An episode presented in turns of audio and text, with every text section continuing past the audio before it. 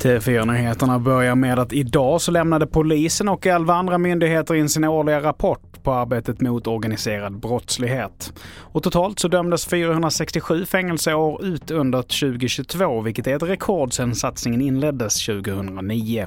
Och även Kronofogden slog nytt rekord när man beslagtog motsvarande 73 miljoner svenska kronor. Vidare till Bryssel där man nu har klubbat att efter 2035 så kommer det inte att säljas några nya bensin eller dieselbilar inom EU. Uppgörelsen röstades igenom idag i Bryssel och endast Italien och Polen röstade emot förslaget. Till sist igår så tog Sveriges herrlandslag en efterlängtad vinst med 5-0 i EM-kvalet mot Azerbajdzjan.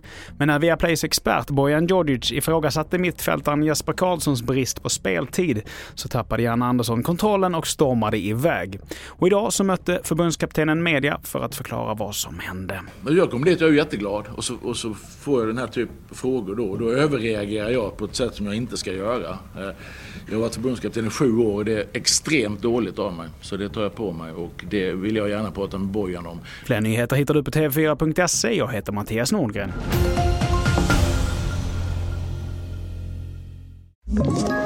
Ett poddtips från Podplay. I fallen jag aldrig glömmer djupdyker Hasse Aro i arbetet bakom några av Sveriges mest uppseendeväckande brottsutredningar går vi in med hemlig telefonavlyssning och, och då upplever vi att vi får en total förändring av hans beteende. Vad är det som händer nu? Vem är det som läcker? Och så säger han att jag är kriminell, jag har varit kriminell i hela mitt liv men att mörda ett barn, där går min gräns. Nya säsongen av Fallen jag aldrig glömmer på Podplay.